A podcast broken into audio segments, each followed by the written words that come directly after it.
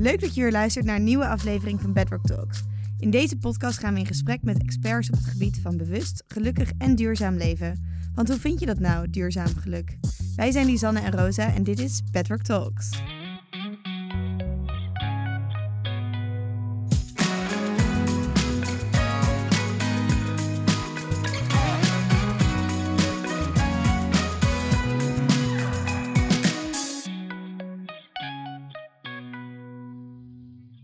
Roos, wist jij dat een stressvolle werkomgeving evenveel impact kan hebben op je gezondheid als de sigarettenrook van een ander? Nee, dat wist ik niet. Bizar, Nee. toch? Ja, ik vond dit shocking. Ehm, en dat, dat heb ik niet zelf verzonnen. Dat meent professor Jeffrey Pfeffer, als ik het goed uitspreek. En een tijd geleden keek ik de documentaire Heel op Netflix. En daarin werd ook verteld dat stress een grote rol speelt bij het ontstaan van nou ja, vooral westerse ziektes. En sindsdien heb ik stress. Ik heb stress dat ik stress heb. Ja, het is een soort, het is een soort visuele cirkel, dat ding. Maar in ieder geval, die invloed van stress op ons leven is zo heftig. En om hier meer over te weten te komen. En natuurlijk ook over wat je dan aan die grote hoeveelheid stress die we met z'n allen zoveel hebben kan doen, spreken we eh, in deze podcast met Thijs Launsbach. Hoi Thijs, welkom Hi. bij ons in de studio. Leuk, om dat hier je te er zijn. bent. Ja, Welkom. top. Jij bent, daar ga ik even een heel rijtje opnoemen hoor. Jij bent expert op het gebied van stressmanagement, burn-out en millennials. Je bent psycholoog, auteur van allerlei boeken over stress en millennials. En je bent ook momenteel een boek aan het schrijven. Ehm, waaronder het boek, boek Fucking Druk. Eh, je bent spreker, je bent trainer. Je geeft les aan de Universiteit van Amsterdam en bij de School of Life in Amsterdam. Nee, nee, dat moet Dat ik je toch meer. even corrigeren. Ik, Ah. ik geef niet meer les bij de Universiteit van Amsterdam. Dat heb ik al jaren gedaan. Ik ben inmiddels eh, gestopt daarmee. Oké, oké. Ik geef nog wel les bij de School of Life. Dat dan nog wel. En je hebt ook je eigen bedrijf. klopt. Ja, ik, ik, als ik dit hoor, denk ik, waarom heb jij geen burn-out?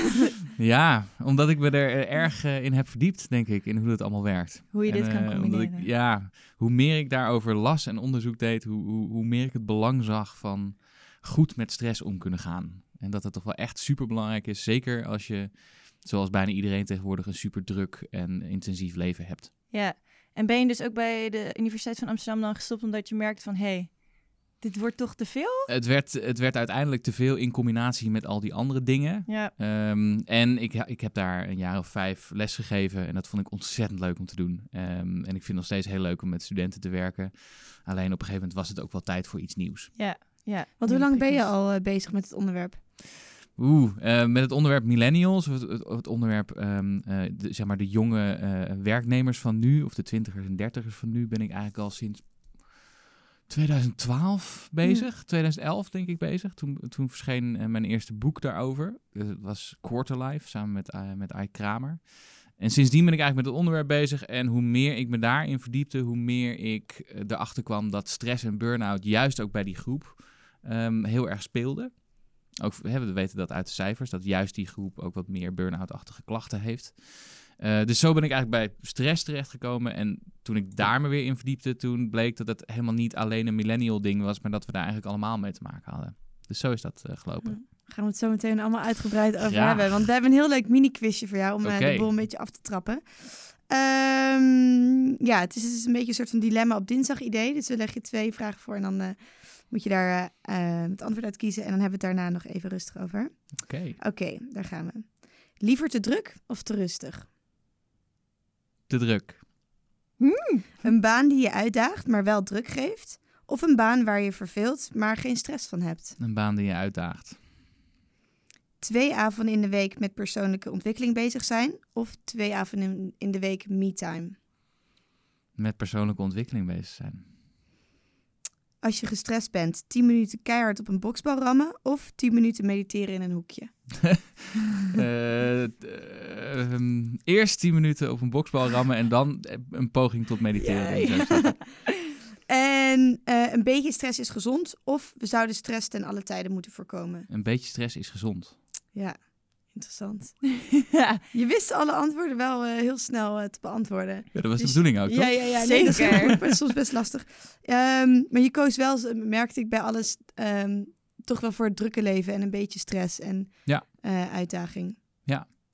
Dat klopt. Eh, en ik denk ook dat dat heel erg bij deze tijd past. En het is ook, als ik mensen spreek over dit onderwerp, bijna iedereen heeft, laat ik het zo zeggen, balanceert op het randje van ehm, eh, uitdagend leven hebben tot een net te druk leven hebben, Ja. zeg maar. En ik denk dat dat balanceren tussen, op die lijn best wel heel erg hoort bij deze tijd. En er ook wel zorgt dat we af en toe ook daar overheen gaan. Wat op zich helemaal niet erg is. Eh, en ik denk, eh, dus een, een, een druk leven is ook helemaal niet een groot probleem. Als het uitdagend is en je haalt er veel voldoening uit. Ehm, maar we weten ook dat echt te veel stress of te veel stress met te weinig rust ertussen kan wel echt slecht zijn voor je gezondheid. Ja. Ehm, dus dat, ja, nee, ik, ik, ik, ik zou zeggen, een beetje druk, druk zijn of over het algemeen een druk en intensief leven hebben, dat hoort bij deze tijd. Er is niks mis mee. Ehm, bijna altijd te druk zijn, dan moet je eens achter, je- achter de oren gaan krabben van klopt dat eigenlijk wel? Ja. Want Maar druk zijn kan je dus dan ook met ehm, dingen doen voor je ontwikkeling. En Zeker. vraag net was zeg maar twee avonden in de Oh week ja. die. Ja. Toen toen zei je wel, eh, liever twee avonden in de week persoonlijke ontwikkeling dan me-time. En dat, Ja. dan versta ik er even Maar- niks toen onder.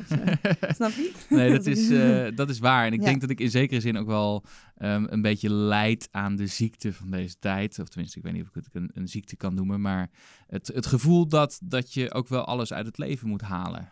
En eh, dat het ook wel belangrijk is om je, je eh, hoe noem je dat? Ja, je, je, je potentie te ontwikkelen of ehm, het beste uit jezelf te halen. Ehm, dat betekent wat mij betreft niet dat je altijd de beste versie van jezelf moet zijn. Of dat je pas meetelt op het moment dat je alles uit het leven haalt.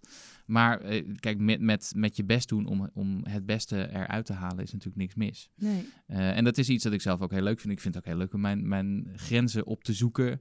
En me uitdagen om, om- uit te dagen om nieuwe dingen te vinden. Ja. En dat is ook wel vaak waar ik een soort van, ehm, van herstel of van oplaad, nieuwe dingen leren. ja, En kan ook dat- weer energie geven natuurlijk. Zeker. Ja, Ja, Ja. nieuwe dingen leren is ook leuk. Daar word je gelukkig van. ja.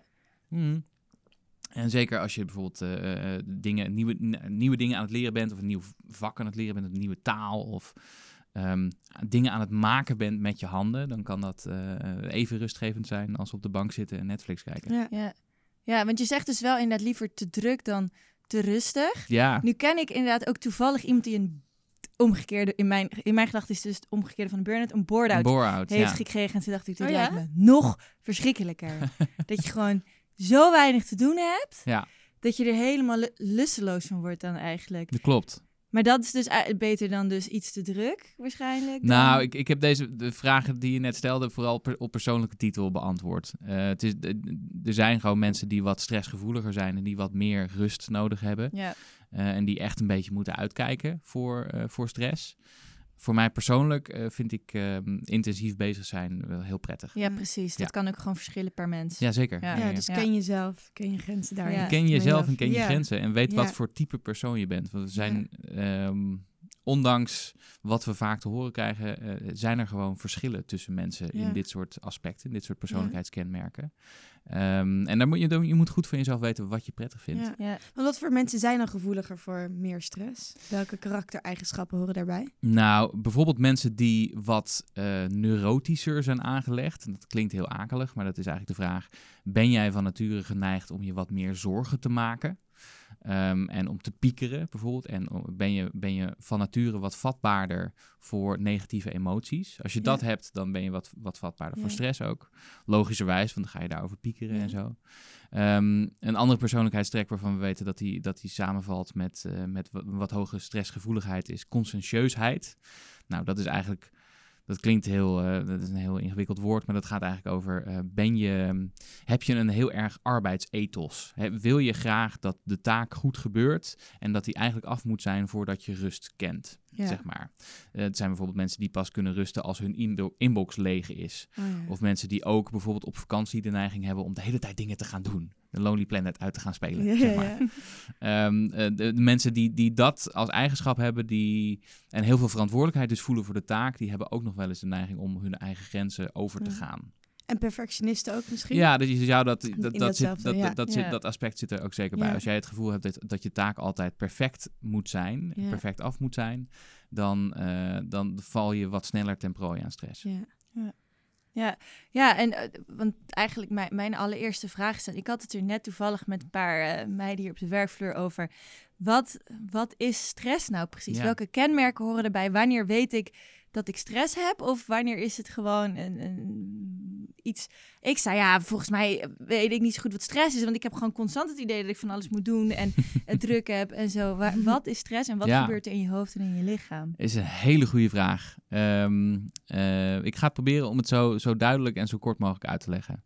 Oké, we kennen allemaal het gevoel van stress. En dat is um, eigenlijk een heel oud gevoel. Het is bijvoorbeeld iets dat je krijgt als je er nu achter komt dat je portemonnee kwijt is. Of je telefoon kwijt is, bijvoorbeeld. of als je op de snelweg zit en iemand maakt een rare beweging. En je moet meteen reageren, zeg maar. Of um, ik heb ook nog wel zelf een keer iets meegemaakt. Dan zat ik aan de rand van de jungle, ergens in Vietnam, zat ik een boek te lezen. En toen vloog er zeg maar een, een, een insect of een beest ter grootte van ongeveer een, een honkbal, uh, vloog tegen mijn hoofd aan. Ehm, en het volgende dat ik merkte was dat ik op, op mijn stoel stond met mijn boek in de aanslag om dat beest weg te slaan. En er zat eigenlijk geen enkel zeg maar, keuzemoment tussen. Fight. Het, ja, fight, inderdaad. Het is, dat is die fight or flight uh, reflex. En dat betekent dat je meteen in de alarmstand staat. En vaak, daar, daar, daar denk je helemaal niet zelf over na. Dat gebeurt gewoon. En dat is eigenlijk dat is een heel oud systeem. En dat heeft ons eigenlijk um, miljoenen jaren, miljoenen jaren weet ik niet, uh, duizenden jaren, laat ik het zo zeggen, uit de penarie geholpen. Um, in, een hele in hele andere omstandigheden. Bijvoorbeeld dat we op jacht moesten in het bos. Of besjes moesten gaan zoeken in het bos. En het, het, veel waarschijnlijker was dat je een gevaarlijke situatie tegenkwam. Zoals een wilde beer die opeens voor je neus stond dan is het super handig als je een soort systeem hebt waarbij je niet hoeft na te denken en in één keer klaar staat om wat jij zegt te gaan vechten of te gaan vluchten. En de mensen die dat uh, heel goed konden, die leefden ook wat langer en die kregen wat meer nakomelingen dan de mensen die dat niet zo goed konden of die dachten met die beer van oh, wat moeten we nu gaan doen en hoe gaan we dit oplossen. Dan leef je gewoon niet zo lang. Um, dus dat is, dat is een systeem dat ons altijd heel erg heeft geholpen. Maar de omstandigheden waarin we leven zijn heel erg veranderd. Dus dat betekent dat we eigenlijk hetzelfde systeem hebben, maar nu in hele, met hele andere problemen worden geconfronteerd. Dus we komen niet zo heel veel beren meer tegen, maar we komen wel sollicitatiegesprekken tegen en deadlines en conflicten met je baas en het opvoeden van kinderen. Dat, dat zijn de dingen die we nu tegenwoordig tegenkomen. Ons lichaam reageert nog op dezelfde manier. Uh, en dat is best wel lastig, want die problemen waar we nu mee geconfronteerd worden, die moet je eigenlijk oplossen door goed te blijven nadenken. En juist niet door weg te, te rennen, vechten. zeg maar, of te vechten. Dat, dat helpt je niet zo. Sterker nog, dat goed blijven nadenken, dat wordt juist moeilijker als je gestrest bent. Nou, dat is, dat is heel in het kort wat stress met je lichaam, zeg maar, doet. Um, nogmaals, een beetje stress is gewoon niet zo heel erg. Dat kunnen we best handelen en het is ook best wel handig. En dat systeem is daarvoor en dat is allemaal prima. Um, waar ik me soms wel eens zorgen over maak, is dat we tegenwoordig in de omstandigheden leven waarin we uh, heel vaak aan zijn. En waarin dat, dat systeem, zeker als je wat uh, gevoeliger daarvoor bent, vaak aan wordt gezet. En waarin we dat over het algemeen redelijk weinig hersteltijd geven. Uh, want nou ja, flink wat stress verstouwen is op zich niet zo per se erg, maar als je dat met te weinig rust doet ertussen, dan begint het negatief te worden voor je uh, gezondheid. Um, en dat, dat, dat uit zich in heel veel verschillende manieren. Um, en dus is het ook heel belangrijk dat je heel goed weet voor jezelf, wat zijn mijn stressalarmsignalen? Nou, voor mij zijn dat bijvoorbeeld dat ik geïrriteerd word naar de mensen om me heen. Of dat ik dingen ga vergeten. Of dat ik een beetje ga, uh, kattig ga doen tegen de mensen om me heen. Uh, en als ik dan niet uitkijk, dan krijg ik wat hoofdpijn en een beetje last van mijn rug en zo. Dat, um, allemaal, dat, dat zijn mijn stresssignalen. dat kan voor jullie weer heel anders zijn.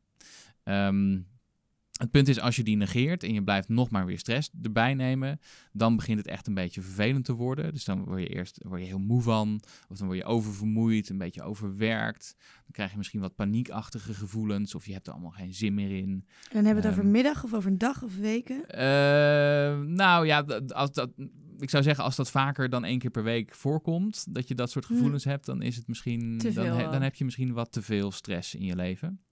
Um, als je nou daar maanden mee doorgaat um, en je blijft maar stress erbij nemen en je kijkt niet goed uit en je reageert niet op die signalen, dan op een gegeven moment trekt je lichaam aan de noodrem. En dat is wat we een burn-out noemen. Ja. Um, en dat is eigenlijk eh, heel technisch gezien is wat er gebeurt dat dat stresssysteem waar ik het net over had, dat, krijgt, uh, dat, wordt, dat raakt geblesseerd. Zeg maar. En dat betekent dat hij heel vaak aangaat, heel makkelijk aangaat en niet zo makkelijk meer uitgaat. Dus dat betekent dat mensen die een, een burn-out hebben, dat die redelijk normale situaties interpreteren als zijnde heel stressvol. En ze ervaren dat dan ook niet meer als heel stressvol, omdat ze dat normaal zijn gaan vinden? Nou, nee, het is meer dat ze, dat ze eh, normale situaties al als stressvol ervaren. Of dat hun threshold, zeg maar, heel technisch gezien, eh, voor stress ehm, wat lager komt te liggen. Waardoor je ze vaak dingen hoort zeggen als, eh, ja, soms kan ik naar de supermarkt, maar soms trek ja. ik dat vanwege alle prikkels niet. Of ik ben maar gestopt met tv kijken, want ik, het kwam allemaal niet meer binnen, zeg maar. Dus vaak moeten die mensen dan ook een tijdje thuis rusten, voordat ze langzaam weer een beetje in het werk kunnen gaan rollen. Eh, dus dat is eigenlijk de, de, de, het eindstation van werkstress, zeg maar, of van stress. En, wel, en wat... eh, Zo, dat was een hele hoop informatie. Dat was een hele hoop informatie. Ja, maar het is, het is wel eh, Goede te informatie. Is dat dan ook meteen het allergrootste probleem rondom stress? De uiteindelijke burn-out? Het is niet het allergrootste probleem, maar het is wel een groot probleem, denk ik. Ehm, onlangs heeft het CBS eh, becijferd dat er ongeveer 16 à 17 procent van de mensen burn-out-achtige klachten hebben. Ik zou zeggen, dan zit je nog niet in een burn-out, maar dan, heb je wel, dan ga je, ben je Ja. op weg ernaartoe. Dan heb zijn- je die katreacties de hele tijd. Ja, of dat zijn mensen die dingen zeggen in vragenlijsten als... ehm, aan het eind van mijn werkdag eh, be- ben ik zo moe dat ik eigenlijk helemaal niks meer kan. Ja. bijvoorbeeld. Nou, dat zijn al best wel signalen die kant op. Ehm, dus dat is een enorm probleem. Dat zijn ongeveer een miljoen mensen. Nou, onder millennials, zoals wij hier aan tafel, is dat nog even een stukje hoger. En ook in bepaalde sectoren is dat wat hoger. Dus in de, in de zorg en het onderwijs, bijvoorbeeld. Ehm, dus dat is een van de consequenties, maar het is niet de ergste consequentie van stress, denk ik. Je hebt ook, we weten ook dat, dat, dat eigenlijk te hoge mate van stress, ook al krijg je er geen burn-out van, maar het is wel te veel stress. Eh, ook als je dat jaren volhoudt, dan, dan, dan, asso- wordt dat geassocieerd met hartproblemen, met eh, ernstige gezondheidsklachten, met eh, mentale problemen. Ja. Dus ook dat zijn- kunnen consequenties ervan zijn. En misschien zelfs wel dat mensen wat korter leven omdat ze heel veel stress hebben in hun Ja. Ehm, dus ook op de lange termijn is het niet al te best, ook al krijg je er geen burn-out van, om te veel stress te hebben. Ja. Dat zag je eigenlijk weer in de documentaire waar Lies het net over had, hè? over Heal. Daar zie je dus ook dat mensen gewoon met chronische rugpijn eh, Ja. pijn, eh, Ja. kampen op een gegeven Ja. moment. Ja. Ja. ja. waarin ze echt ook verkondigen dat stress een... Ja, echt die westerse ziektes, dat stress daar een heel groot aandeel in heeft. En dat dat, dat allemaal een beetje kan aanwakkeren en zo. Nou ja, terrifying. Ik vond het Ja. echt verschrikkelijk eng. Ja, dat is, dat is best, eh, best heftig. En ik, ik denk ook wel dat we, dat we dat soms misschien een beetje onderschatten. Ja, en denk je dat dat dus inderdaad ook te maken heeft met dat we dat, dat de stress niet kunnen zien? Ik bedoel, als jij je been breekt, dan weet je, hé, hey, ik kan even niet Ja. lopen, ik doe dat even niet. Ja. Maar als jij de hele dag hoofdpijn hebt, dan Krijg je kan geen je blauwe plek of zo. Krijg je geen, nee, krijg je niet spierpijn, ja, dat idee. Klopt. En dan eh, ga je toch misschien door. Ja, dat, dat denk ik, dat is, dat is natuurlijk sowieso het probleem bij psychische stoornissen. Of, eh, hè, ehm, dat, dat hebben mensen die een depressie hebben bijvoorbeeld ook, of die Ja. angststoornissen hebben. Dat zie je ook niet aan de buitenkant. Dus dat is zeker één probleem. Een ander probleem is, eh, denk ik, dat ehm, het, het- nou ja, wa- wa- waar we het net over hadden, het te druk zijn zit gewoon heel erg in onze wereld, denk ik nu. En gelukkig wordt dit steeds meer een onderwerp waar mensen ehm, eh, ook wel een soort van eh, bewust van worden. En ook wel bedrijven bewustzijn voor creëren. Maar het is nog steeds zo dat in sommige sectoren dat je echt niet moet toegeven dat je een beetje gestrest bent. Want dan ben je, word je gezien als zwak. Ja. En dan kun je niet meekomen met de rest. En dan eh, vlieg je er misschien wel eh, na je tijdelijke contract uit, Ja. zeg maar. Ja, waar je raar wordt aangekeken als je, pa- als je pas om acht uur of eh, al om acht uur s'avonds de deur uitgaat of zo. Ja, precies. En dan, eh, ja, je, hebt, je hebt echt wel van dat soort werkplekken waar mensen, eh, als je om vijf uur inderdaad uitklokt, zeggen mensen, ga je lunchen? Ja, Ja. ja. precies. Dat Hey, en, ehm, en toch is stress dus ook niet eh, alleen slecht voor ons. Je zei het net heel kort al even bij, eh, bij het quizje. Ja. Want waar is het ook goed voor? Nou, het grappige is dat je ook enige mate van stress nodig hebt om je doelen te behalen. En je hebt, dat noemen we gezonde spanning. En dat is ook ehm, waarom ons lichaam ook een klein beetje cortisol aanmaakt gedurende de dag. Cortisol is het stresshormoon. Als je dat veel te veel hebt, dan is dat heel vervelend. Maar je hebt er ook een bepaalde basis van nodig om dingen te gaan doen. En dat zorgt ervoor dat je, dat je doelen gaat stellen, dat je gemotiveerd bent om dingen te gaan doen, dat je wakker bent en alert bent en dat soort dingen. Eh, dus je hebt enige mate van spanning nodig om optimaal te presteren. En je hebt zelfs zoiets als een optimaal spanningspunt, waarbij je zeg maar net gespannen genoeg bent, maar niet te gespannen. Eh, het is niet zo dat je daar de hele dag in kan werken. Dat er zijn, dat zijn heel weinig mensen die dat consequent kunnen volhouden. Ehm, maar enige spanning is, is ook wel echt goed om je te motiveren om dingen te gaan doen. Het moet gewoon niet te veel worden. Ja. Ja, het is wel herkenbaar ook. Ik, ik heb het ook liever net iets te druk. Dan krijg ik zo alles Ja. gedaan op een dag. Dan net iets te rustig. En dat mijn deadline pas over een week is. Nou, dan doe ik gewoon niks. Nee. Dat weet je niet, Roos, maar Ja. dan doe ik echt Ja. niks.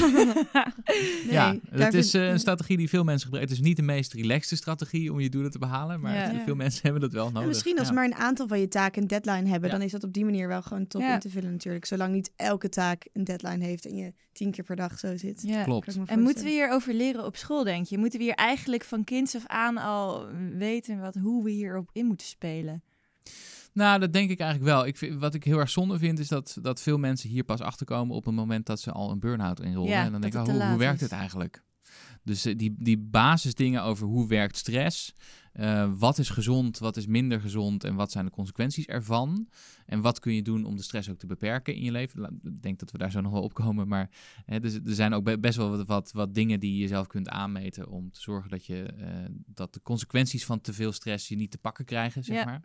Ik vind dat, dat dat zou in ieder geval basisinformatie moeten zijn. Ehm, dat zou in ieder geval elke werknemer moeten weten, denk ik. Ja. en Ja. misschien ook wel op middelbare scholen eh, Ja. eh, gegeven worden. Ja, Of misschien gewoon Ja. zelfs überhaupt minder stress op school. Maar dan ga je het hebben over het hele schoolsysteem. schoolsysteem aan zich. Ja. Ja. maar ik bedoel, dat brengt natuurlijk ook hartstikke veel druk en een prestatiedruk met Ja. kinderen, maar ook scholieren en studenten en Ja, met zich mee. ja, Ja, ja, Nou ja, we, le- we leven natuurlijk wel in een wereld waarin ons continu gezegd wordt dat we alles uit onszelf moeten halen. Ja. En de beste versie van onszelf moeten zijn.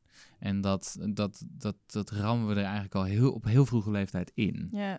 Ehm, met onze focus op productiviteit en eh topscho- eh, excellente scholen en top students en eh, high potentials en dat soort dingen. Ehm, dus dat is het natuurlijk, en natuurlijk is dat een- ook wel een belangrijke boodschap om mee te geven. Maar ik, ik zou zeggen, er moet, het is ook wel handig om er nog een andere boodschap bij te geven. En dat is, doe ook een beetje voorzichtig met jezelf. Want je hebt maar één exemplaar van je lichaam. En je moet nog 40 jaar mee, zeg maar. Ja, Dus doe dat ook een beetje rustig aan. En doe dat op een manier die ook duurzaam is. ja. Ja, je zei het net inderdaad al, eh, en millennials zijn echt de burn-out generatie en 25 tot 35-jarigen, die hebben de meeste burn-out klachten. Ja. En waarom is dat dan zo dat millennials meer last hebben van stress? Dat komt door die, die prestatiedruk? Ook weer een hele goede vraag. En ook weer een vraag waar heel veel verschillende dingen bij elkaar spelen. Het is denk ik inderdaad die prestatiedruk. Dus de millennials, hè, dat zijn de mensen die geboren zijn tussen 1980 en 2000. Ehm, we weten daarvan dat die opgegroeid zijn binnen een individualistische cultuur. Dus waar heel erg het belang was op het individu. En je ook de boodschap meekreeg vaak... eh, jij kunt worden wat je wil als je maar genoeg je best doet. En vaak zat daar ook nog een, beetje een boodschap onder, namelijk ehm, je, eigenlijk tel je dan pas mee als je ook hele bijzondere dingen doet. Ehm, en vanuit de filosofie van het beste uit jezelf halen. Dat is vaak een beetje de boodschap geweest waarmee wij zijn opgevoed. Ehm, daarnaast eh, zijn we vaak ook wel een beetje op, opgevoed in beschermde omgevingen door onze ouders. Dus die, ehm, je had wat ze dan nu zo mooi noemen curling-ouders. Oh ja. Ehm, nou ja, curling is natuurlijk die sport, die, eh, die, die, die Olympische wintersport, waarbij die, die schijf over het ijs gaat en er allemaal mensen met een bezem allemaal de Ah, moeilijkheden aan het ja. weghalen zijn. Eh, nou ja, dus de, de, de, de, de klacht is eigenlijk een beetje dat onze ouders dat misschien een beetje te veel hebben gedaan. Dus geprobeerd de moeilijkheden weg te halen voor ons en ons te veel te behoeden voor ongeluk. Ehm, eh, het een, een, beroemd voorbeeld is dat dit de generatie is die niet alleen een medaille kreeg voor het winnen van de wedstrijd, maar ook voor het meedoen aan de wedstrijd. Ah. Eh, dus eh, misschien zijn we ook een beetje te veel voor teleurstelling eh, behoed en hebben daar een beetje te weinig ervaring mee opgedaan, waardoor het op latere leeftijd veel harder aankomt als een keer iets niet lukt zoals je het wil. Ehm, opkomst van technologie is een, is een ander, andere factor. Ehm, dus eh, eh, dus de, eerste generatie die ehm, opgegroeid is met alom aanwezige internettechnologie. eh en het idee dat je altijd bereikbaar moet zijn. Ehm, en dat is natuurlijk supergoed en er komen heel veel hele positieve dingen uit. Heel technologiewijs zijn we, maar tegelijkertijd hebben we ook wel de hele tijd apparaten om ons heen die dingen van ons willen, zeg maar. Ehm, sociale vergelijking is een andere. Dus we vergelijken ons nogal met heel veel mensen tegelijkertijd. Gaat het heel makkelijk tegenwoordig met social media. En alles gaat perfect daar natuurlijk. Ja, je verg- vergelijkt je natuurlijk vooral met de mensen die het beter doen dan jij op de een of andere manier, waarop je teleurgesteld raakt over je eigen leven. En je verwachtingen over jezelf misschien wel onhaalbaar hoog worden, ehm, worden gezet. Ehm, nou, dat, dat, dat soort dingen. Ja. Keuzestress, Ik, ja, ik heb Ja, je op oh een, ja. eh, in een ander gesprek horen zeggen dat je vroeger kon kiezen uit eh 40 opleidingen of Ja. zo. En tegenwoordig zijn dat er bijna duizend. Ja. Het is ook niet zo gek dat je dan geen idee hebt wat je moet kiezen. En als je iets kiest, Klopt. dat je misschien denkt, oh shit, was dat wel de goede. Ja. Ja. ja, dat is natuurlijk niet uitsluitend voor millennials, maar die hebben daar wel, wel veel mee te maken, denk Ja. ik. Omdat die juist ook op veel belangrijke levensgebieden nu keuzes moeten maken. Maar ja, we, we hebben tegenwoordig ontzettend veel om uit te kiezen. Vanuit het idee dat dat heel positief zou zijn. Want dan kan je precies het goede ding kiezen. Maar het, het, het Vind effect... maar eens. Ja, het effect ding. daarvan is dat de keuze steeds moeilijker wordt. Ja. Omdat je uit ontzettend veel dingen moet kiezen. Ik heb Ja. wel eens de ervaring dat ik na een lange werkdag in de supermarkt sta. En dan moet, moet gaan bedenken wat ik moet gaan eten. Oh. En het, het, het lukt gewoon niet. Nee, te veel keuzes ja. al gemaakt. Ja, precies. Met andere woorden, die, die keuze is cognitief zo belastend geworden omdat die zo ingewikkeld is geworden, dat, dat het makkelijker wordt om te denken, ja, laat eigenlijk maar. Ja. Ehm, en in ieder geval het heel moeilijk wordt om precies de juiste keuze te maken. Het Ja, Netflix-effect noem ik dit ook wel eens. Ik heb dat altijd als ik een nieuwe serie moet uitkiezen op Netflix. Dan eh, ga ik een half uur browsen en dingen in mijn lijst zetten en trailers bekijken en dat soort dingen. Op een gegeven moment word ik helemaal gek en dan, dan ga ik maar iets kijken. Dan maar niks. Ja, precies. ja. ja. hey, en hoe doe jij dit nu zelf? Hoe druk ben jij zelf? Het klonk nogal druk toen ik dat Ja. rijtje op moest noemen van Oh, eh, ja. Hoe taken. ziet jouw agenda eruit? Vast niet leuk. Ehm, nou, ik ben, ik ben niet van het type dat gaat mediteren op een bergtop ehm, eh, de hele week lang. Dat, dat heb, je inderdaad al goed doorgehad met het oplezen van het lijstje. Ehm, ik hou wel van een ehm, druk leven, laat ik het zo zeggen. Dus ehm, nou, dat is, het is wel iets waar ik vaak ook zelf tegenaan loop. En wat ik ook wel bij het schrijven van, van het boek, dus Fucking Druk, ben ik daar ook wel echt een beetje mee geconfronteerd. Met wat is, hoe, hoe doe ik dat nou eigenlijk zelf? En eh, heb ik ook wel gezien dat er periodes in mijn leven zijn geweest dat ik wat minder leuk was ehm, als mens. Of eh, wat minder gelukkig was en wat, wat minder leuk voor de mensen om mij heen, omdat ik best wel gestrest was. Ja. Ik heb nooit een burn-out gehad, maar dat, daar is ook wel alles mee gezegd. Ik heb wel uitdagingen gehad op het gebied van stress. En nog steeds. Dus ik eh, nou, denk dat een van de voordelen is van hierover schrijven dat ik daar best wel wat van weet. En dat ik dat signaleer bij mezelf. En dat ik best wel de basics weet van omgaan met stress.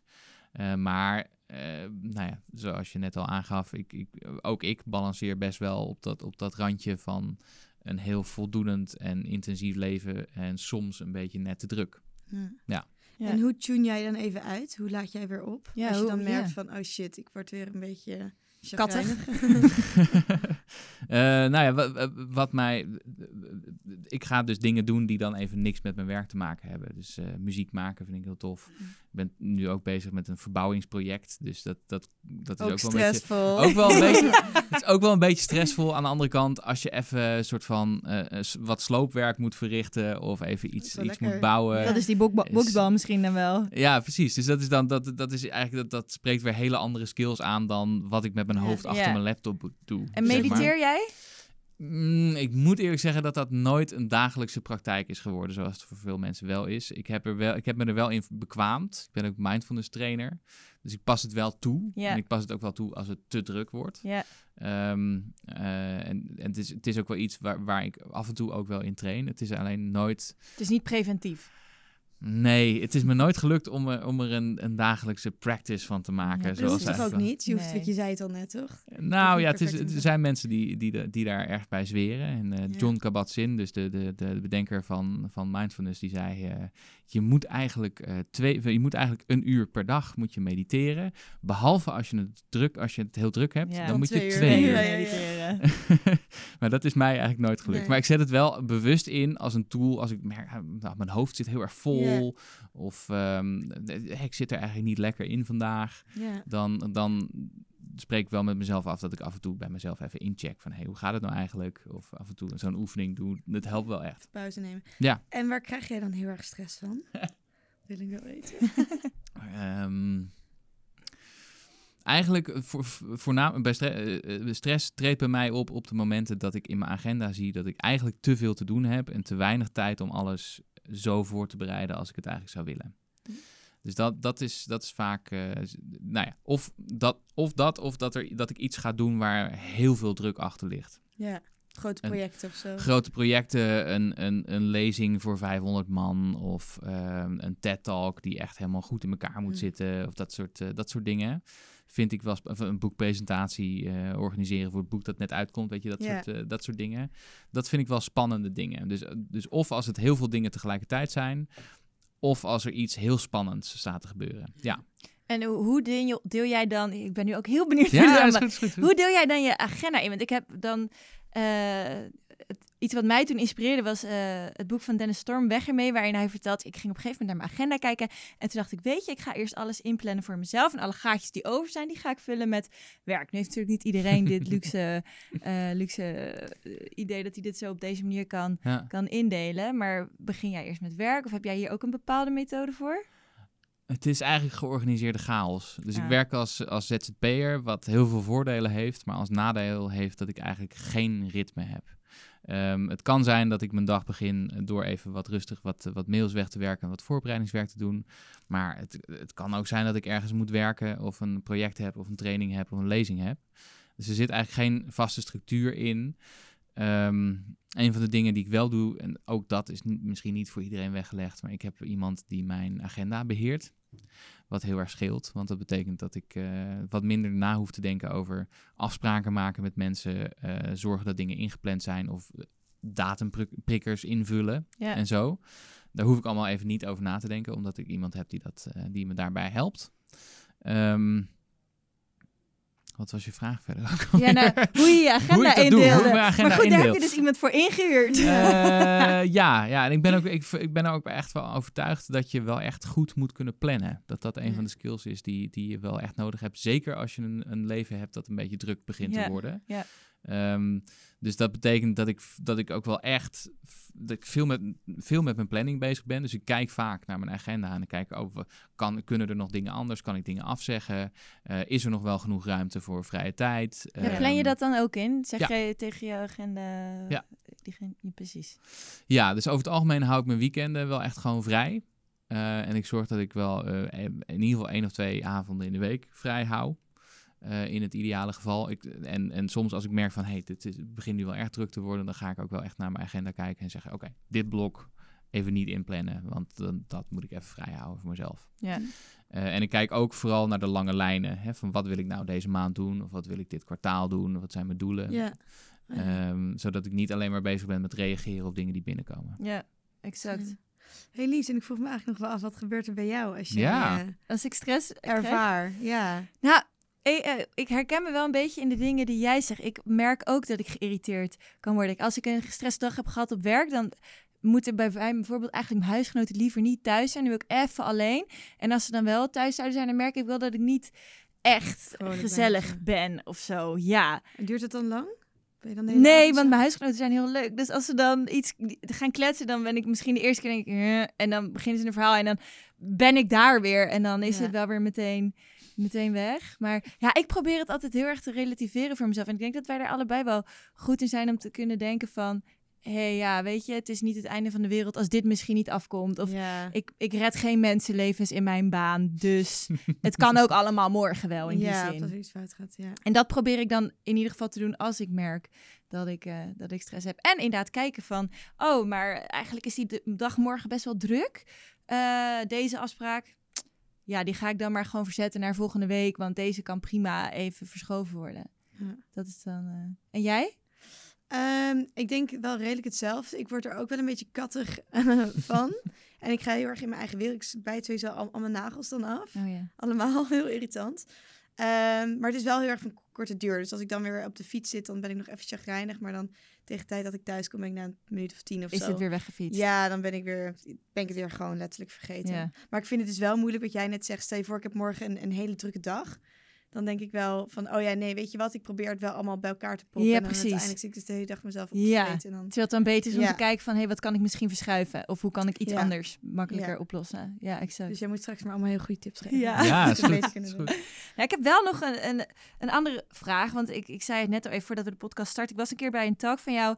ehm, en toen zei je iets in de trant van... Ja, je kan je niet 24-7 top voelen. En ook niet Nee. eh, zeven dagen in de week. En als jij er gewoon twee dagen in de week denkt van... Yo, ik zit er lekker in. Ik heb vandaag veel taken afgevinkt. Ik was ook nog eens super gezellig tegen iedereen. Dat dat dan al eigenlijk een topprestatie is. Als je twee dagen in de week super lekker in je vel zit. Terwijl, inderdaad, wij als millennials hebben het idee dat we al zeven dagen per week de beste Ja. versie van onszelf moeten, Ja. moeten zijn. Ja, ik vond dat, ik vond dat een heel, eh, heel verhelderend. Maar waarom? Ja, want ik, ik, ik mag inderdaad van mezelf niet een Ja. dagje mezelf kut voelen. Maar waarom is dat zo?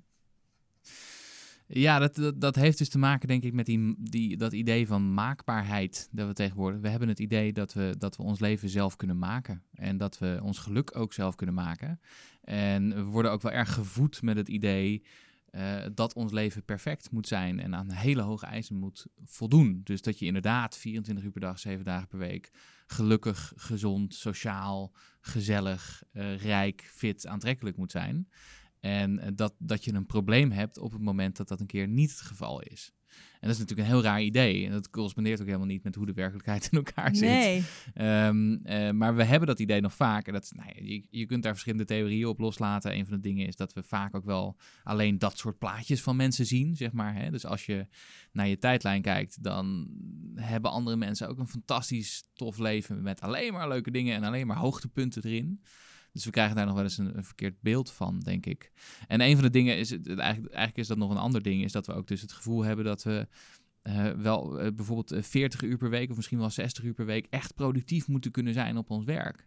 Dat is helemaal niet zo. Dat, dat lukt je niet. Als je inderdaad een paar dagen eh, goed hebt gewerkt en je hebt een paar mindere dagen erin, dan doe je het al heel aardig, Ja. zeg maar. En dat is simpelweg omdat, eh, dat hoorde ik laatst eh, Mark Tichelaar eh, zeggen in een podcast over focus. Eh, die zei van, nou ja, op een gegeven moment is gewoon je brandstof op. Ja. Dus je kan, je kan niet acht uur per dag knallen. Dat, je kan dat misschien twee uur per dag. Als je echt heel erg getraind bent en je best doet. En voor de rest moet je accepteren dat je, dat je ook gewoon dat je te maken hebt met, de, met de, de grenzen van je eigen productiviteit. En er is helemaal niks mis mee. En eh, ik denk dat we soms wel een beetje doorschieten in wat we van onszelf verlangen. Zeker als het gaat om bijvoorbeeld gelukkig zijn. Ja. Ik denk dat ehm, het idee dat je 24 uur per dag gelukkig kunt zijn, is, is, is echt een van de ziektes van onze tijd, denk Ja, ik. Het ja. is echt dat dat zorgt voor enorm overtrokken verwachtingen en dingen en, en, en soort voor, zorgt juist voor heel veel ongeluk, denk ik. Ja, dat je denkt, en jeetje, mina. Ik ben, de, eh, ja, ik ben de enige die af en toe een beetje ongelukkig is. Of ik ben de enige bij wie dingen niet werken. Of die men- niet aan mijn eigen verwachtingen voldoen. Wat ben ik eigenlijk een loser? En dat is denk ik, eh, dat is heel, ehm, Ja. dat is een heel kwalijk idee. Grappig. Ik las dat dus ooit. ehm, ik had dit gevoel dus ook altijd van kut. Je moet altijd gelukkig zijn, je moet altijd goed zijn. En een goede baan en vrolijk en vrienden. En toen tot ik ooit eens een eh, artikel las op Bedrock voordat ik hier werkte. en daarin eh, schreef iemand, ehm, het is, nee, het was, het was een pleidooi voor de kutdag. Ja, En toen dacht ik, oh wat chill, je mag je gewoon een dag kut voelen. Wauw, dat ik het nu pas weet. En toen dacht ik, oh wat lekker, dat hoeft dus gewoon helemaal niet. En Ja. wat Mark Tichelaar inderdaad ook zegt, is dat je dus je, je focus heel erg bewust aan moet zetten, maar ook op een gegeven moment uit om Ja. weer productief aan te kunnen zijn, om dingen te kunnen onthouden, om gelukkig te zijn. Dus dat je eigenlijk heel goed die balans moet kunnen vinden tussen ja, aanwezig en aan en Ja. te productief te kunnen zijn, maar ook om even gewoon echt bewust niks te doen. Niet met je telefoon, niet nog half werkmailtjes, maar gewoon. ja. Dus die balans is essentieel. Dus je hoofd ook Ja. uit kunnen zetten. Hij noemt dat focus uit. Ja. Eh, ja, dat is een heel belangrijk idee. Eh, en ik denk eigenlijk dat het nog, het, het gaat nog verder dan dat. Het is niet alleen dat je je wel eens een dag kut mag voelen. Het is ook prima als je een keer twee weken kut voelt. Of dat je maandenlang eigenlijk niet weet wat je doet bij je baan. Of ongelukkig bent in je werk. Ja. Ja. Hoort er allemaal bij. En Ja. dat idee dat dat helemaal niet kan. Of dat je dan eh, een, een, een psychisch probleem zou hebben. Dat is echt onzin. Daar Nee. moeten we vanaf. Sterker nog, dat zijn misschien wel de tijden waar je uiteindelijk het meest van leert, Zeker. toch? Waar Dat je- sowieso. Ja. Ja, ik heb dus voor, voor het boek ook veel, veel interviews gedaan met mensen die een burn-out hebben. En die zeggen eigenlijk allemaal ehm, achteraf van nou, ik, het was een, een vreselijke klote tijd. Maar ik heb er toch ook wel dingen over mezelf geleerd die ik anders niet had geweten. En daarom vind ik het toch heel waardevol. Ja. ja, dat hoor ik ook wel vaak van de mensen die ik dan heb gesproken over burn-out. Ze er Ja. toch wel op de een of andere manier dankbaar voor zijn. Omdat ze daarna m, ja, meer weten over Ja. hoe je het dan eigenlijk wel beter aan kan pakken. Ja, en een hele cynische psycholoog zou zeggen, dat is ook wel cognitieve dissonantiereductie. Hè? Dus je moet er ook wel een verhaal van maken waarin je toch Ja. uiteindelijk waarin het een Nou, dat is mooi dat de hersenen zo werken Eh, dan. maar, dat is, nou, maar dat klopt, ja, ja, Ja. zeker. Ja. Ehm, en we hebben het nog even over stress. Ja. Ik heb ehm, altijd best wel een sterk beeld dat we hier in Nederland heel erg ons zelfbeeld koppelen aan ons werk. Meer dan in het buitenland, Ja. merk ik op. Ehm, ja, ik ben heel erg benieuwd hoe jij daarover denkt. Of, je- of, of jij dat ook zo vindt. Ik weet, ik, ik- die, die, internationale vergelijking zou ik, vind ik een beetje tricky. Eh, ik denk wel dat dit voornamelijk speelt in, in westerse landen. Maar het grappig was dat ik eh, afgelopen jaar was ik ergens in de woestijn in Namibië. Een plek, een van de bijna de meest lege plek op aarde. En daar kwam ik in een soort park en daar stond, er was een tv aan. En er was een infomercial over stress bezig. Fantastisch vond ik dat. maar het is dus het is niet alleen iets dat, dat, dat eh, onze maatschappij kenmerkt. Het is ook wel breder dan dat, denk Ja. ik. Ehm, maar ik denk inderdaad, dat, dat is eigenlijk iets van de afgelopen, laten we zeggen, paar decennia. Eh, het idee dat je, dat je werk niet alleen de plek is waar je naartoe gaat om je tijd te verruilen voor geld, in te klokken en uit te klokken, maar dat het, dat het voldoenend moet zijn en dat het geluk moet brengen en dat het eigenlijk eh, je missie moet zijn op aarde en dat dat de manier is waarop je een stempel op de wereld drukt Ja. door middel van je baan. Het Ja. zegt iets over je. je hebt, ja. Ja, ja dus we, we inderdaad, onze, onze, we verlenen onze identiteit voor een groot deel aan werk. Dus dat is waarom wij in het Westen eh, eh, vragen als we iemand tegenkomen, eh, wat doe je eigenlijk? Ja. Eh, in plaats van waar kom je vandaan of wat, eh, Wie, ben zijn, jij? wie ben jij, wie zijn je ouders? Hè? Dat, Ja. is, dat zijn de vragen die nog wel eens ergens Ja. anders worden gesteld. Dus die, die link wordt inderdaad, ben ik met je eens, wel heel erg gelegd bij ons. Dus je, en da- daarom is ons werk ook ontzettend belangrijk voor ons. En daarom, eh, dat verklaart ook waarom we ontzettende commitment hebben naar ons werk. En Want zo we goed willen presteren. Ja, Ja. precies. En hoe komt Ehm, het dan, denk je, dat hier zoveel meer is dan in andere landen? In het Westen, jij noemt het Westen, ja. Ja, ik, dat, dat, dat, ook dat heeft weer te maken, denk Cultuur. ik, met cultuur. eh, misschien ook wel onze Calvinistische inborst toch een Mhm. beetje. eh, gecombineerd met het neoliberalisme en, ehm, en de individualistische cultuur, denk ik. Dus het zijn allemaal van dat soort historische dingen. Het wordt ook ons wel veel aangepraat, denk ik, dat werk ontzettend belangrijk is. Ja, Ehm, het is ook maar net hoeveel je ervan aantrekt misschien. Natuurlijk. dat is waar. Ja. En zou, het stress verminderen als we als, eh, als ik dus niet zo dat niet zo ik vind dat ook vaak heel belangrijk Ja. en stel ik zou daar niet minder waarde aan hechten en gewoon maar iets gaan doen waarbij het niet zoveel uitmaakt wat ik, hoe ik presteer zou dat stressverminderend helpen Hmm, weet ik niet, want we halen er ook heel veel voldoening uit. Ja. Dus ik denk dat daar eh, met het idee zelf is niet per se iets mis. Het is pas, er is pas iets mis als jij dermate veel ehm, waarde eraan ontleent. Of je hebt, je hebt dermate het gevoel dat je moet, moet presteren en dat je je moet bewijzen dat je je eigen grenzen overgaat. ja Dan begint het kwalijk te worden. Dat je Dus- afhankelijk wordt daarvan eigenlijk. ja, precies. Ja. Of dat je, dat je zeg maar, je commitment voor je, voor je werk ehm, ten koste laat gaan van je eigen gezondheid. Ja. En dat is wat, wat er natuurlijk wel vaak gebeurt. En dus er is nogmaals, er is echt niks mis met gecommitteerd zijn aan, aan je werk. Ben ik ook, zijn jullie ook, zie ik ook. Ehm, maar ehm, ik denk dat de notie die erbij moet komen is dat je ook wel moet zorgen dat je dat werken dan ook wel op de lange termijn gezond en gelukkig vol kunt Leuk houden. ja. Ja. Want dat is ook heel ja. belangrijk. Mijn Australische vrienden bijvoorbeeld, ik vertelde hun dus dat, eh, ik heb daar een tijd gewoond, Ja. dat hier burn-out zit. Het is natuurlijk heel groot hier, daar kan je niet, niet van gehoord hebben. Een paar vrienden van mij hadden daar gewoon nog nooit van gehoord. Nee. Klopt, maar die term is ook niet één op één te vergelijken met wat ze internationaal. Ze hebben het dan soms over een nervous breakdown. Dus Ja. bijvoorbeeld in de VS heb je het over een nervous breakdown.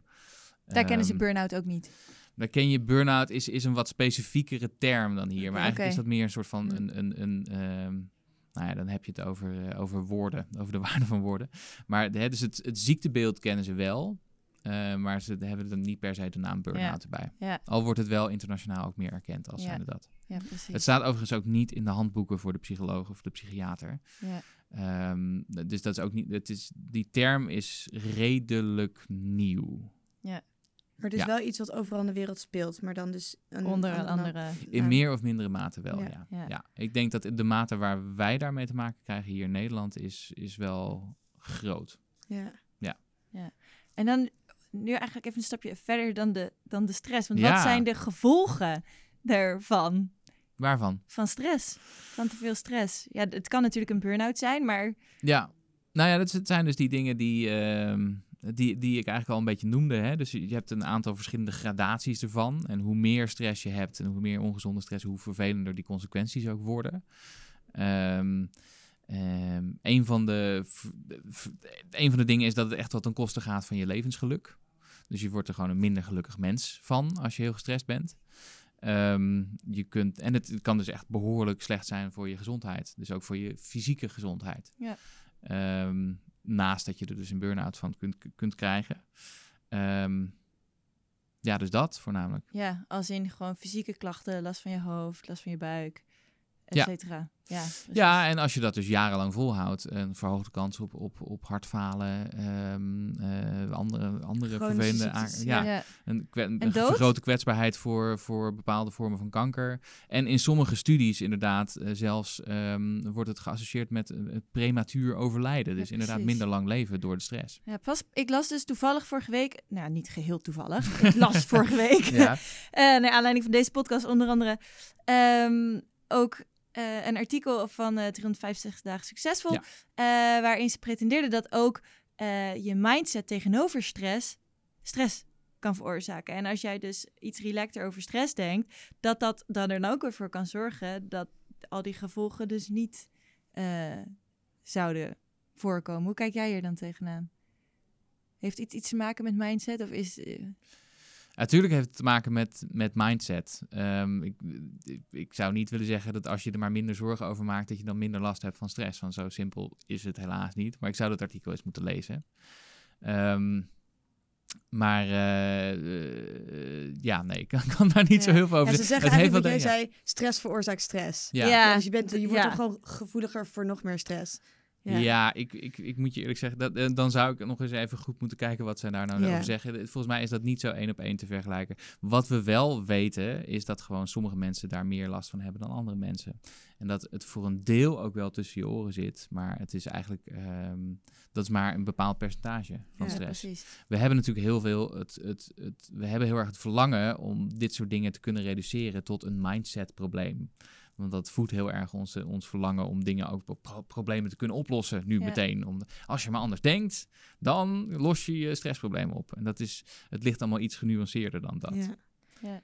En, ehm, want hoe, hoe lossen we dat dan op een Ja. gegeven moment op? Stel je voor, oké, nou, we hebben allemaal in meer of mindere mate stress. Ja, We zijn in elk geval allemaal drugs, niet te vermijden. Is ook oké. ja. Maar goed, die stress, daar moeten we dus mee gaan dealen op de een of andere manier. Want we willen natuurlijk liever geen burn-out en een beetje gelukkig leven Ja. leiden.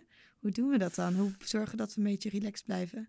Eh, er zijn heel veel verschillende manieren waarop je Mhm. het kan doen. De belangrijkste, denk ik, ehm, en eh, het klinkt altijd een beetje soft en paternalistisch, maar is zorg goed voor jezelf. Ja, En dat is dus eh, dat is goed slapen, gezond eten, ehm, af en toe bewegen, een aantal keer per week. Eh, het liefst in de buitenlucht, want we weten ook dat als je in de natuur loopt of in de natuur bent voor een bepaalde periode van tijd, dan gaat ook je cortisol naar beneden. Ehm, we we weten dat dat periodes, eh, ook, ook momenten inplannen voor jezelf is dat je rust hebt. Dus dat je bijvoorbeeld ehm, op de bank zit en een boek zit te lezen. Of ehm, een, een wandeling aan het maken bent. Netflix helaas niet, jammer genoeg. Want? Eh, want met Netflixen, ehm, dat vinden we heel fijn. Maar dat vinden we zo fijn omdat het eigenlijk je hersenen voor de gek houdt. Dat je super interessante dingen aan het doen bent, terwijl je dat niet bent. Je bent alsnog informatie aan het verwerken. Ja, Maar datzelfde toch met een boek lezen? Ben je ook informatie nee, aan dat schijnt dus net een beetje anders te Ah. zijn. En dat heeft te maken met dus al het geluid en kleuren en lichtflitsen Oh, die je ja, natuurlijk dus je bij bent- Netflix wel hebt. Oké. En heeft dat, Ehm. is het dan ook beter om bijvoorbeeld gewoon echt een, een, eh, weet ik veel, een chicklit te lezen of een boek, Ja. gewoon een verhaal, dan dat je weer in een of ander persoonlijke groeiboek duikt? Ja, het is, het is wel het handigste om iets te doen dat in ieder geval iets van je werk afligt. Of in ieder geval iets waar, er Ja. vanaf ligt waar je het meeste zorgen over maakt. Want dan zeg denk maar. je, oh ja, ik doe even lekker niks, even een TED-talkje kijken of Ja. een podcast luisteren. Maar en dan is toch weer een doel voor jezelf stellen Ja, om iets nee, te ik heb, ik heb Ja. inderdaad ook mensen horen zeggen dat is, dat is eigenlijk even intensief voor je hoofd als werk, zeg maar. Dus dat zijn een aantal dingen die je denk ik goed moet weten. Uitkijken met eh, alcohol, cafeïne, andere vormen van drugs. Ehm, Cafeïne ook?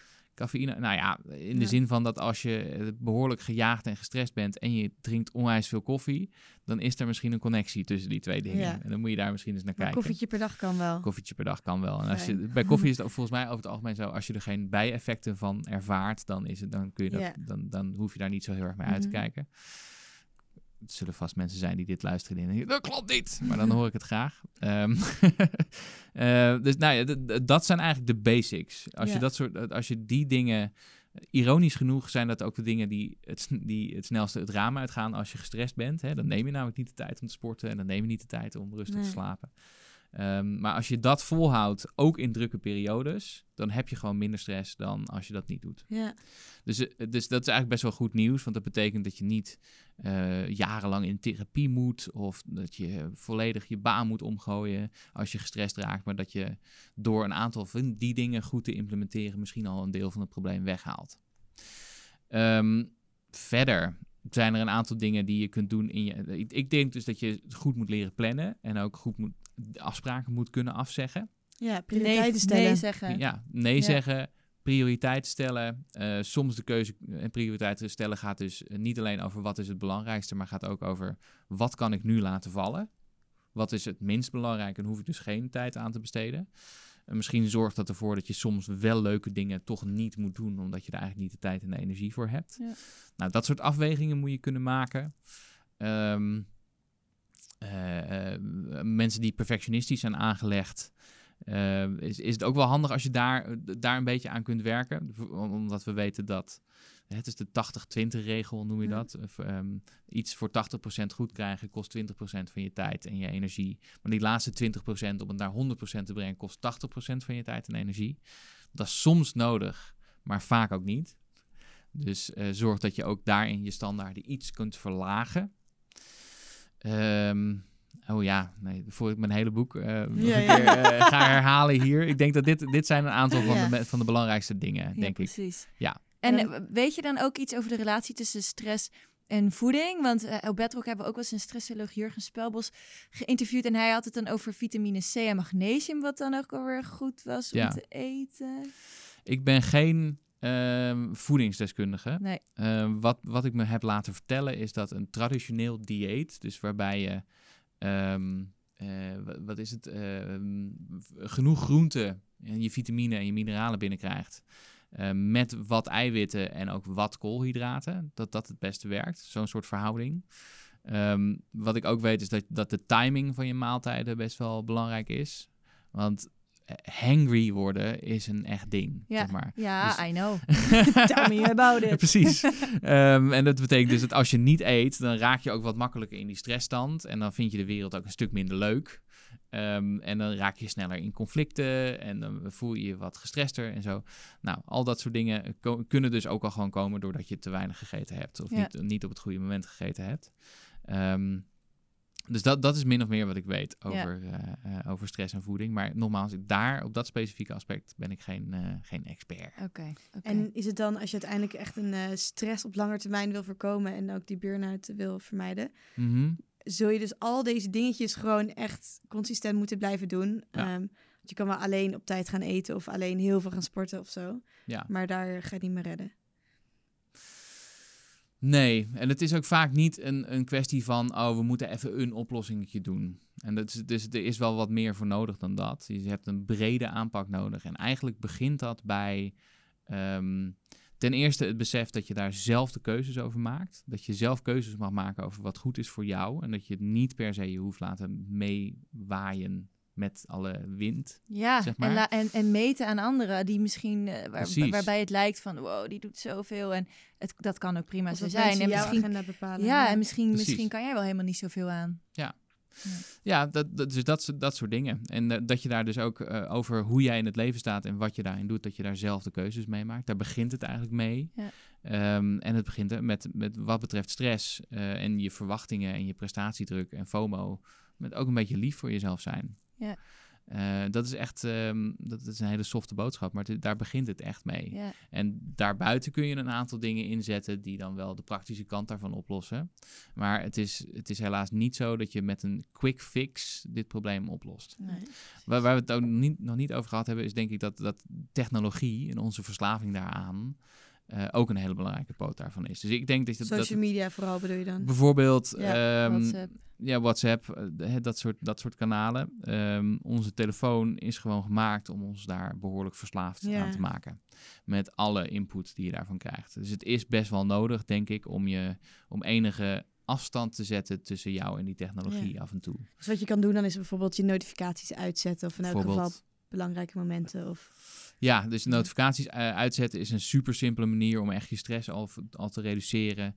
Ehm, wat je kunt ook, ik heb toevallig net een boek gelezen, het heet Digital Minimalism van Cal Newport. Ehm, die zegt daarin, nou ja, wat je ook heel goed kunt doen is bijvoorbeeld zorgen dat je eh, social media kanalen, dus je Facebook, je Instagram, je LinkedIn, dat je die gewoon via je computer benadert en niet op je telefoon. Oh ja. Want daar zitten een aantal echt heel heftig verslavende features aan. Bijvoorbeeld dat ding dat je naar, naar beneden trekt om, om, om je scherm te verversen, zeg maar. Ja. Dat is gewoon het- dat is hetzelfde ding als dat je een slotmachine hebt. Dat is even verslavend. ja. Ehm, dus, dus kijk vooral daarmee uit. Leg je telefoon af en toe ook in een la, want het is heel moeilijk om er af te blijven. Dus ja, het is een Ehm, reflex gewoon. het is een reflex. En het is, nou ja, ik heb af en toe in mijn dag dat ik, dat ik gewoon merk, oh, ehm, ik zit nu mijn Instagram stories te checken, kennelijk. Had ik daar niet van, van tevoren voor gekozen, maar dat, dat ben ik dan gewoon aan het doen. Eh, dus het, het wordt ook automatisch gedrag. En Ja. dat is best wel kwalijk, denk ik.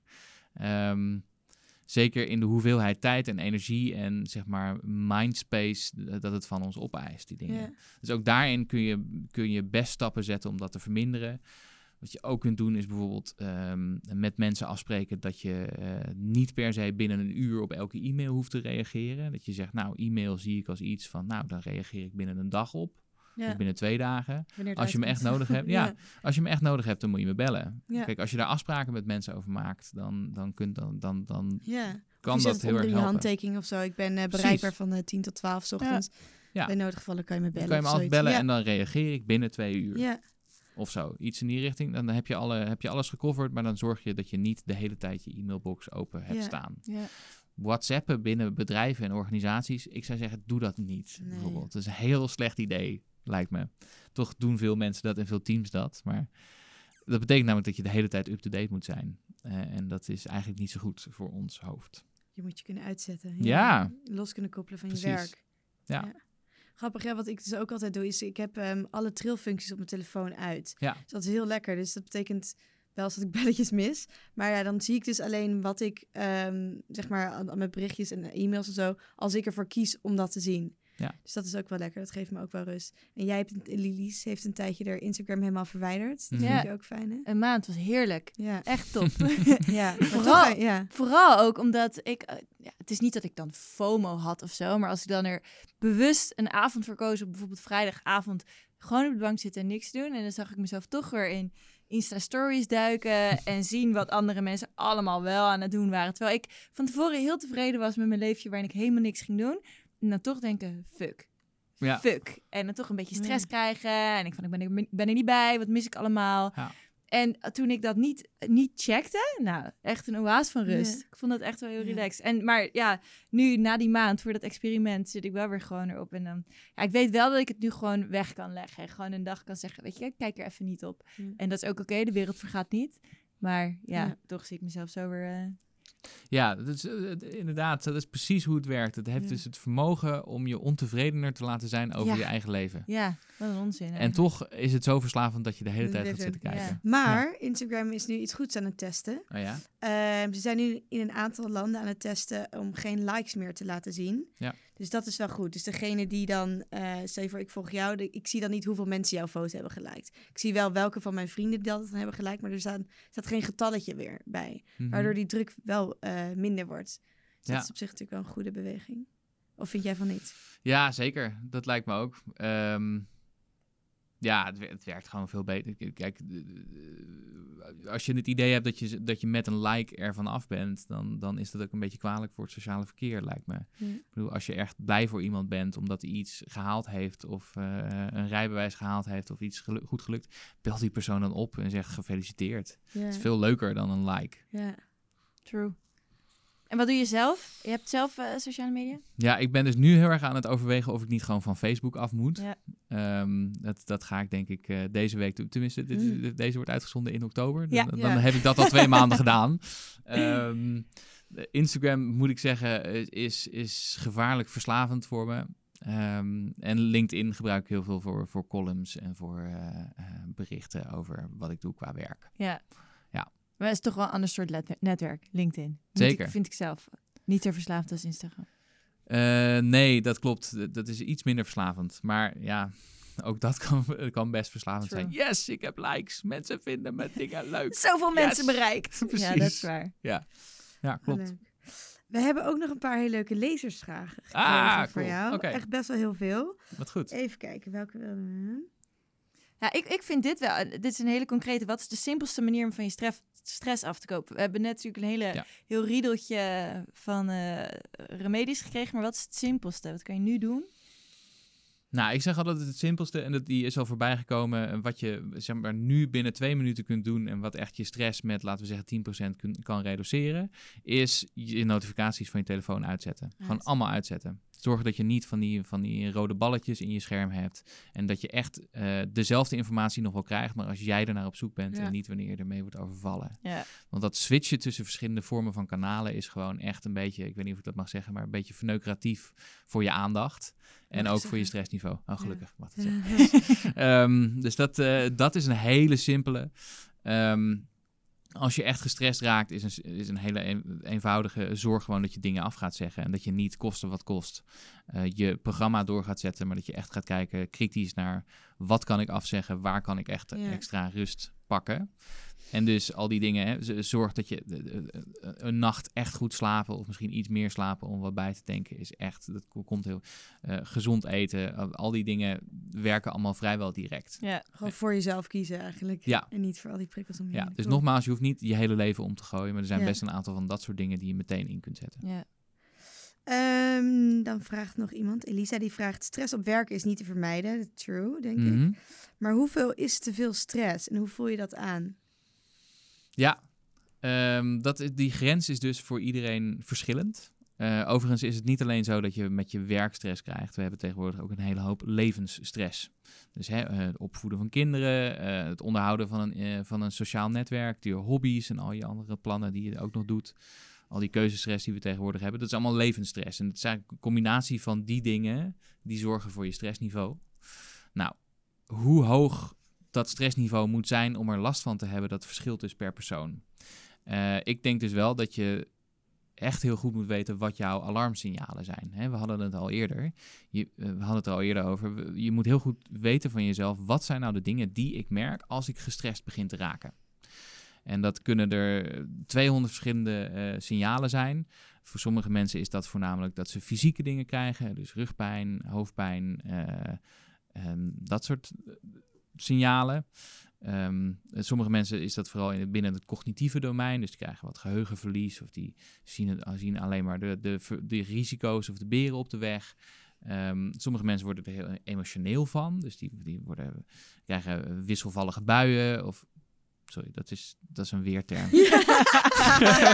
Ehm, Ja, nee, ik snap het wel. Eigenlijk heb je het gewoon over gedragsverandering. Als je dat vaak opvalt Nou, op moment. ja, precies. Nou, ja, sommige mensen worden er juist emotioneel van. Dus die krijgen huilbuien, wou ik zeggen. Of die, die, die switchen heel snel van, van of ze blij zijn of verdrietig zijn. Of die voelen zich eenzaam of angstig of dat soort dingen. Ja. En sommige mensen merken het aan hun gedrag. Dus Ja. die eh, grijpen naar eh, drank of alcohol als een vlucht. Of gaan heel veel feesten of zonderen zich juist af. Dat soort dingen. Dus je moet denk ik heel goed weten van jezelf... wat zijn de signalen die ik ervaar op het moment dat ik gestrest raak. Ja. Die moet je eigenlijk voor jezelf opschrijven zodat je eh, dat echt, dat zijn de dingen die je dus monitort bij jezelf. Ja. En zodat je de volgende keer weet, ah, dat merk ik dus. Dan is het nu tijd om bij te gaan, eh, de- om, om bij te gaan sturen. Die Ja. dingen waar we het net over hadden. Want als ik dat niet doe, dan weet ik dat het erger wordt. Dus eh, dat, dat, dat, nou, bij deze lezer denk ik dus, eh, denk nou eens, een, denk, denk goed na. Denk eens terug aan de paar drukke periodes die je misschien de afgelopen tijd hebt gehad. Wat zijn nou de, letterlijk de dingen die je merkt? Ja. En dat zijn dus de dingen die, je, die, die eigenlijk soort van je, je vislijntjes zijn om te kijken of je het te druk hebt of niet. Ja, even een stapje terugnemen dan. En hoe maak je dan keuzes in je werk waarin eh, alles even belangrijk lijkt? Dat vraagt ook een lezer. Ja, als, als dus alles even belangrijk lijkt in je werk, dan, dan, heb je, dan heb je dus geen prioriteiten. En dan word je dus nogal snel overspoeld. Ja, Ehm, ook als je ontzettend veel belangrijke dingen tegelijkertijd hebt, kan het de moeite waard zijn om te kijken. ehm, misschien moet ik nu een aantal van de belangrijke dingen nu doen. En over drie maanden doe ik die andere belangrijke dingen. Het kan namelijk niet zo zijn dat alles even belangrijk is. Dus je kunt bijvoorbeeld ehm, met in overleg. Ik denk eh, dat is misschien een mooi bruggetje naar, naar dus, hè, millennials en werken. Ik denk dus dat, dat prioriteit stellen is iets dat je echt leert in de eerste fase van je carrière. En misschien doe je dat ook wel samen met je manager of met je leidinggevende of iemand die je vertrouwt. Je zegt, hey, kom nou eens even met me zitten. Ik vind alles even belangrijk en ik kan geen onderscheid nu maken in wat wel of wat niet belangrijk is. Help me daar eens mee. Ja. En die persoon zegt dan misschien, ah, nou, misschien kun je deze dingen, die, die moet je eigenlijk altijd meteen doen. Deze dingen is vooral als je er een beetje tijd voor hebt. En deze dingen zijn eigenlijk wat minder belangrijk en eh, doe je eigenlijk alleen maar als je tijd over hebt of zo. Dus dat, misschien is dat niet per se een keuze die je zelf maakt. Al is het heel goed om na te denken, wat is voor mij het allerbelangrijkst? Uh, en misschien heb je daar een beetje hulp bij nodig van, van je leidinggevende. Um, en, maar goed, als jij naar je leidinggevende uh, loopt en zegt... alles is een prioriteit, ik weet niet wat ik het eerste moet doen... dan zal die ook wel inzien, oh ja, dat is misschien niet een hele handige situatie. misschien moeten we daar eens even bij helpen. ja precies. Hulpvragen is Dus dat is eigenlijk Ja. precies. Ja. Je hoeft niet alles alleen op te lossen. Klopt. En ja, je, vraag om hulp. ja, je zou jezelf ook... Een, een andere methode is een soort gedachte-experiment doen. Dus nadenken van, nou... ehm, ah, hmm, als ik de situatie heb waarin ik dit project A wel doe, maar project B niet... Ehm, wat eh, zou ik dat dan? Is, is dat een logische oplossing? Of moet ik dan juist project B bo- boven project A plaatsen? Nou goed, je kan dat soort overwegingen ook heel goed zelf maken, maar het kost gewoon wel wat tijd om daar goed over na te denken. En volgens mij, ik, ik las het laatst ook ergens, denken we heel vaak dat we van alles moeten, maar vaak is dat helemaal niet zo. Nee, van wie moeten we dat eigenlijk? Ja, Dat van beetje- onszelf. Van onszelf, Ja. ja. terwijl moet je dat echt, nee, je kiest ervoor om dat te doen. Ja. Ja. Ja, ja. Ik denk dat dat een mooi, een mooi, eh, mooi einde is ook. Dat we met z'n allen heel veel weten over stress en hoe je niet in de stress raakt en hoe wel en waar je het aan eh, kan herkennen. En wat ik ook denk is dat we dus nu, na deze podcast, massaal al onze notificaties uit moeten zetten. En Ja. als iedereen dat gewoon lekker doet op deze aardbol, kan iedereen gewoon zelf kiezen wanneer die wel niet geconfronteerd wordt met dat soort dingen. En als we dus nog meer willen weten over stress, dan moeten we eigenlijk eerst jouw boek lezen, Fucking Druk. Want dan weet je over hoe je alles niet moet stressen. Ja, Maar als deze podcast live is, heb jij nog een boek dat net eh, eh, gepubliceerd is. Dat heet Werken, werken met Millennials. Werken met millennials. Werken ja. met Millennials. En het is bedoeld voor, voor leidinggevenden of managers die eh, goed willen weten hoe ze die groep kunnen behoeden voor een burn-out, maar ook kunnen stimuleren om het beste uit zichzelf te halen. Om maar eens een term uit de coachingswereld te halen. Precies, hele goede vakliteratuur die je vooral niet Ja. moet lezen als je niks wil doen. En wel moet lezen als je er meer over wil weten. Dat geldt voor eigenlijk voor elk boek natuurlijk. Ja. Precies, dat is ook zo. Nou, in ieder geval superleuk dat je bij ons in de studio aan wilde schrijven. Eh, bedankt voor al je info. Graag gedaan. Vond het leuk om te doen. Ja, top. En eh, als wij jou online nog ergens willen vinden, waar kan dat? Eh, Niet op Facebook? Nee, niet op Facebook. Eh, LinkedIn of Instagram. Thijs Launsbach. Ja. Cool. Top. Oké. Nice. Hey, en als jullie nog vragen hebben voor Thijs of voor ons, mail ons dan even naar info.bedrock.nl of stuur ons een eh, DM op Instagram of Facebook, want dat, Dat hebben wij als het goed is wel nog gewoon. Ja, en we hopen dat je deze podcast leuk vond. En als je dat vond, laat even een review achter in iTunes. Volgende keer spreken we met Jan Geurts over een heel ander onderwerp, namelijk over liefde, liefdesverdriet, verlatingsangst en binding, ang- bindingsangst. Niks om bang voor te zijn, maar wel heel, eh, heel interessant ook weer, denk ik. Ja, Jan eh Geurts ken je waarschijnlijk van het boek Verslaafd aan Liefde. Hij is dus expert op het gebied van verslavingen en vooral die van de liefde. Dus als je ook een vraag voor hem hebt, laat het ons ook alvast even weten. Dan eh, nemen we je vraag misschien wel mee. Oké, nou leuk dat jullie allemaal hebben geluisterd en tot de volgende keer. Dankjewel Thijs. Yes. Doei!